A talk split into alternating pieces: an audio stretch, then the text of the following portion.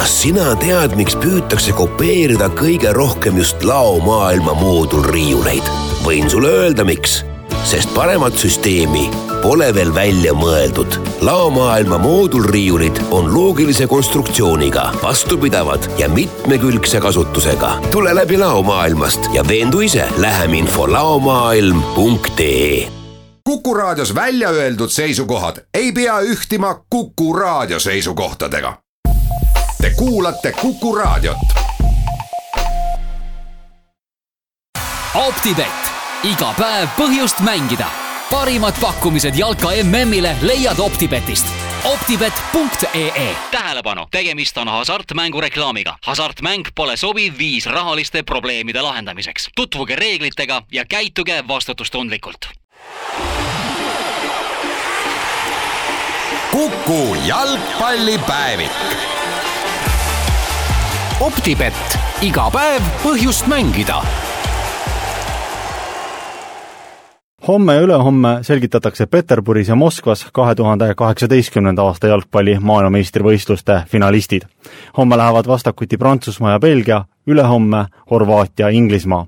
alanud on Kuku jalgpallipäevik, mina olen Andres Must lisaks homme jätkuvale turniirile jätkub homsest ka Kuku raadios ennustusmäng, mille leiate meie Facebooki lehelt.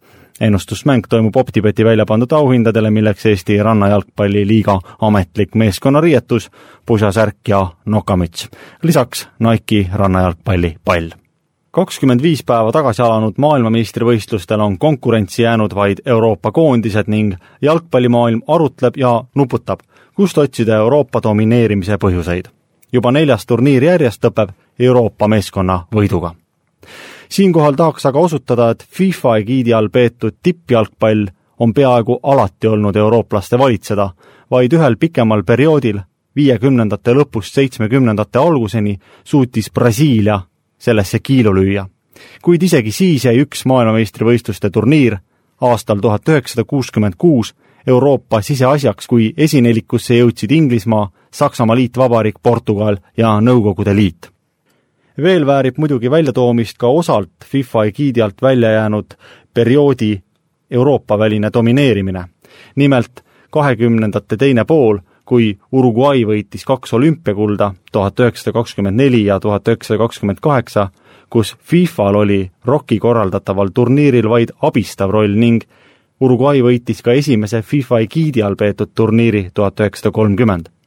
olgu mainitud, et Uruguay ei lase end bürokraatlikest teguritest häirida ning kuna mm võideti ka viiekümnendal aastal, peab Uruguay end neljakordseks maailmameistriks, mida kinnitavad ka neli kuldset tärni nende tänasel jalgpallisärgil. kui nendest kahest perioodist valida üks, kummast tõepoolest Euroopa kõrvale jäeti, siis kindlasti on selleks Uruguay periood, kuna nende peamine konkurent toona oli Argentiina, naaber Lõuna-Ameerikast. Seevastu Brasiilia periood ei peegelda Lõuna-Ameerika domineerimist Euroopa üle, vaid ühe konkreetse riigi, Brasiilia domineerimist.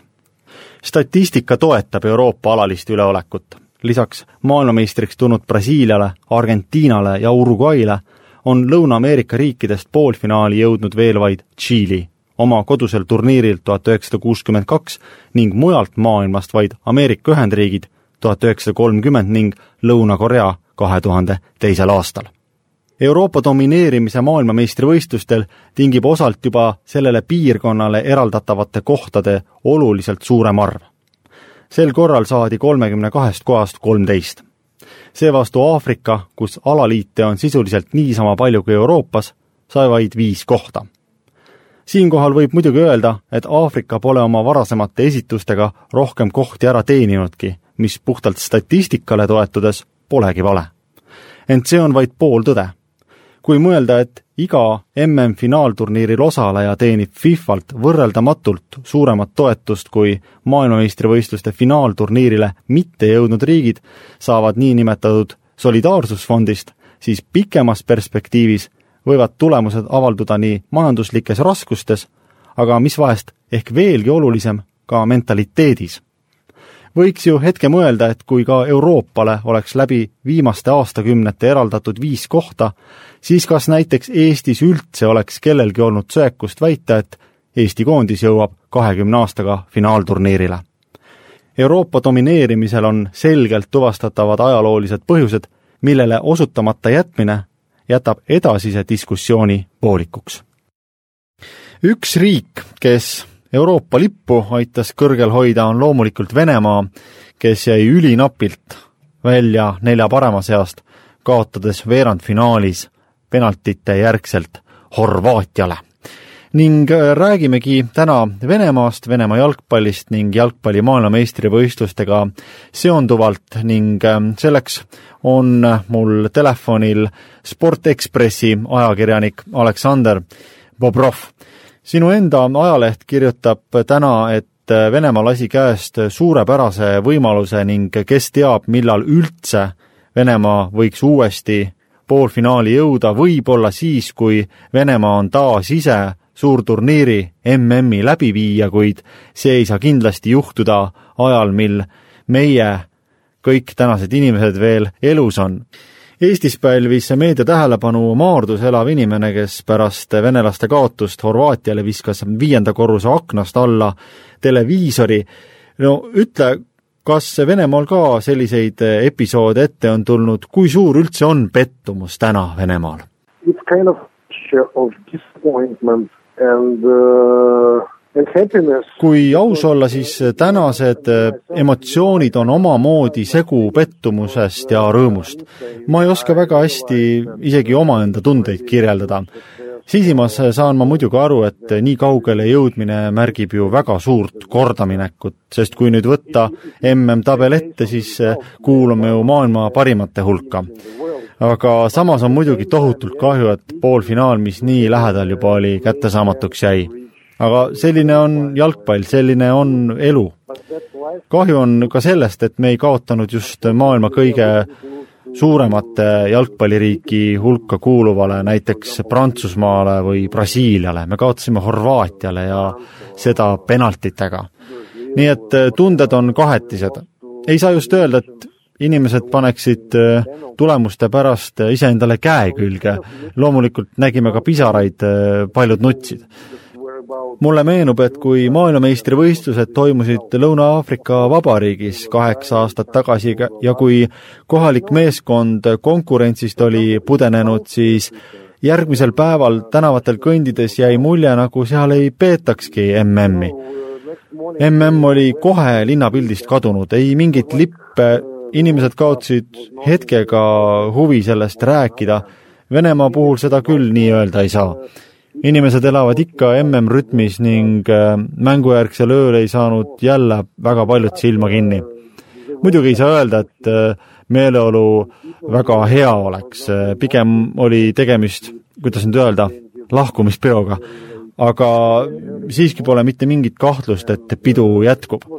kui eile meeskond tagasi Moskvasse tuli ning fännidega kohtus, siis oli tegemist suure tseremooniaga. Kogu fänniala oli rahvast täis umbes kakskümmend tuhat inimest. oli tõesti meeleolukas, väga soe suhtlemine mängijate ja fännide vahel ka seal nägime, et ei domineeri pettumus või tragöödia või, või katastroof. tunneme siiski suurt rõõmu, et jõudsime poolfinaali kuid jah, ma muidugi nõustun nendega, kes ütlevad, et see oli unikaalne võimalus jõuda poolfinaali ning ma tõesti ei kujuta ette, millal ja kas üldse järgmine võimalus tekib, sest eh, meil ei arendata jalgpalli niivõrd kui paljudes teistes riikides. Really we're, we're not that developed in football as other countries kui paljud äh, tänastest koondislastest üldse kuuluvad Venemaa jalgpalli homsesse päeva? Well, uh, paljud mängijad on tegelikult juba eas, kus mõeldakse loobumisele. Sergei Ignatševitš saab laupäeval kolmkümmend üheksa, tema loobub. Äh, Aleksandr Samedov jõudis ka juba öelda, et tema teeb koondisega lõpparve siin tuleks mainida ka kuulsaid eh, kaitsjatest vendasid Berezutskit, eh, kes MM-il ei osalenud ning eh, kes on samuti juba koondisest väljas. Kuid meil on mitmeid noori, kellele peatreener saab uue meeskonna üles ehitada. vennad Mirantšukid, Golovin, arvan ka, et Smolov ei näidanud sel MM-il oma parimat, kuid on siiski väga hea mängija, kellest on tulevikus koondisel palju kasu ka Kokorin, kes jäi vigastuse tõttu MM-ilt kõrvale, on kindel tagasitulija. Juba on endiselt vormis, nii et meil on kolm väga head ründajat ja ega väravavaht Akinfejevgi väga vana ole ning küllap on ka tema edaspidi koondises. usun, et meil on võistkond olemas, vähemalt äh, rahvuste liigat silmas pidades, mis äh, sügisel algab. ma tõesti usun, et jõuame kahe aasta pärast peetavale Euroopa meistrivõistluste finaalturniirile.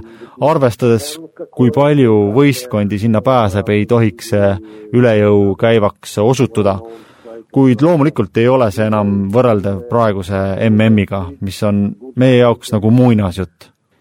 muinasjutt, mis õige pea läbi saab.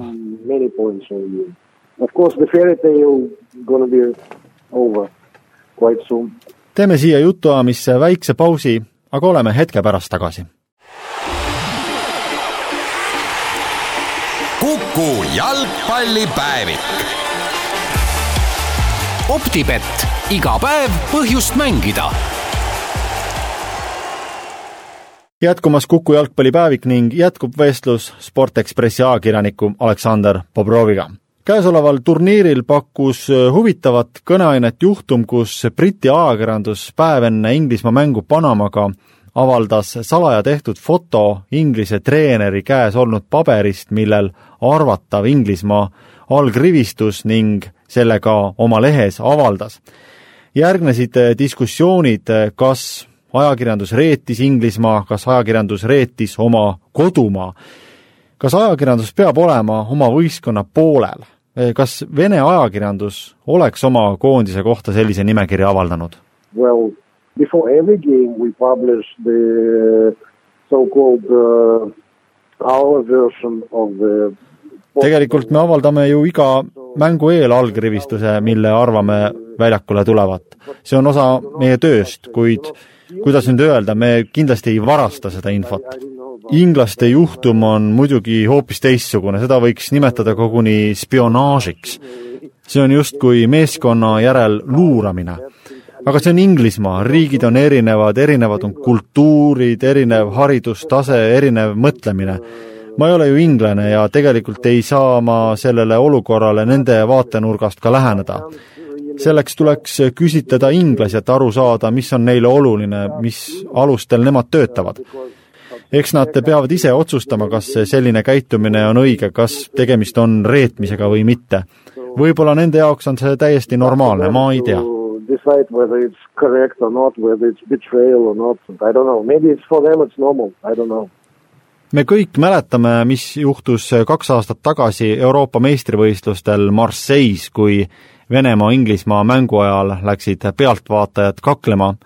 ka sel korral, toetudes ingliskeelsele meediale, kartsid paljud, et sellised sündmused võivad korduda. kus need Marseille venepoolsed kaklejad täna on? There are no fightings uh, and uh because of the English media, because of the lies they were spreading before the World Cup. kaklusi pole olnud. Äh, tänu Inglise meedia maailmameistrivõistluste eelsele valele, valedele pole Venemaal täna väga palju Inglise fänne. samas väga paljud, kes otsustasid tulla, süüdistavad nüüd äh, Inglise ajakirjanikke ja Inglise meediat valetamises sest äh, Venemaale tulles nägid nad, et Pole mingeid probleeme siin olemisega. vabalt võib juua õlut ning kui inimesed ise korralikult käituvad, siis mingeid probleeme polegi. kui ma nüüd ei eksi, siis tegelikult on aset leidnud vaid üks väike intsident, mis leidis äh, aset äh, Moskvas ühes äh, metroos pärast Inglismaa Kolumbia mängu mis seisnes selles, et mõned fännid hakkasid kaklema. kuid kohe oli kohal politsei, mis sellele kiire lõpu tegi kuid inglaste ja venelaste vahel kaklusi pole olnud. ma jälgin erinevaid meediaid ja erinevaid meediaplatvorme pidevalt, et kõigel sellisel silma peal hoida ja ausalt öeldes olen ma näiteks Twitterit jälgides sattunud peale vaid ilusatele sõnadele nii Moskva kui Venemaa kohta. Kui täpsemalt öelda, siis positiivseid äh, sõnu on räägitud metroode, arhitektuuri, toidu ja paljude muude asjade kohta. ja isegi mitmed ajakirjanikud, keda ma Twitteris jälgin, on oma esialgseid arvamusi muutnud ning asunud kirjutama väga positiivseid lugusid minu riigi kohta. see on kõik üks suur poliitika alguses kirjutasid nad, kuivõrd ohtlik, kohutav ja halb kõik on. nüüd on nende artiklid hoopis teistsugused, sest nad lihtsalt ei saa endisel moel jätkata. tõesti, Venemaal on kõik täiesti turvaline. There are no bad things happening, so nothing, nothing, it's, it's absolutely safe millega aga selgitada asjaolu, et nii suures riigis, nagu Venemaa seda on, on turniiri jooksul sedavõrd vähe ebameeldivaid intsidente juhtunud? I don't have numbers uh, but naturally everywhere mul pole küll täpseid arve, kuid iga varem peetud MM-i ajal on turvalisust kaitsnud suured politseijõud. Lõuna-Aafrikas olid selleks kaasatud kogu riigi jõud, ka need, kus mänge otseselt ei peetudki ma arvan, et meil on lood enam-vähem samasugused. ma oletan, ma päris täpselt ei tea, kuid arvan, et lisajõude on toodud ka äh, Kaug-Idast. kuid loomulikult on meil töösse rakendatud äh, politseijõud kõikidel oskustasemetel, alates tänavapolitseist. ära tuleb kasutada kõik oskused ja õnneks on meil need oskused ka olemas meil on kõrgelt kvalifitseerunud inimesed, kes valdavad oma tööd tipptasemel jumal tänatud, ma ütlen, jumal tänatud. see on kõik, mis ma öelda oskan. Fifal oli igati õigus valida Venemaa MM-i korraldajaks, sest eh, korraldajatena oleme teinud väga head tööd. veel üks asi, jälgin ka teiste alaliitude reaktsioone. enamus neist on olnud väga positiivsed Venemaalt lahkudes. näiteks Poola alaliidu juht eh, Zbigniew Boniek ka Davor Šuker, Horvaatia jalgpalliliidu president, on turniiri väga kõrgelt hinnanud. You can find what uh, Davor Shuker, uh, how he evaluated uh, the situation in Russia and other guys ma tahan siinkohal vahele öelda, et ka Eesti Jalgpalliliidu president Aivar Pohlak on maailmameistrivõistluste ajal läbi mitme artikli olnud Venemaa suhtes äärmiselt positiivne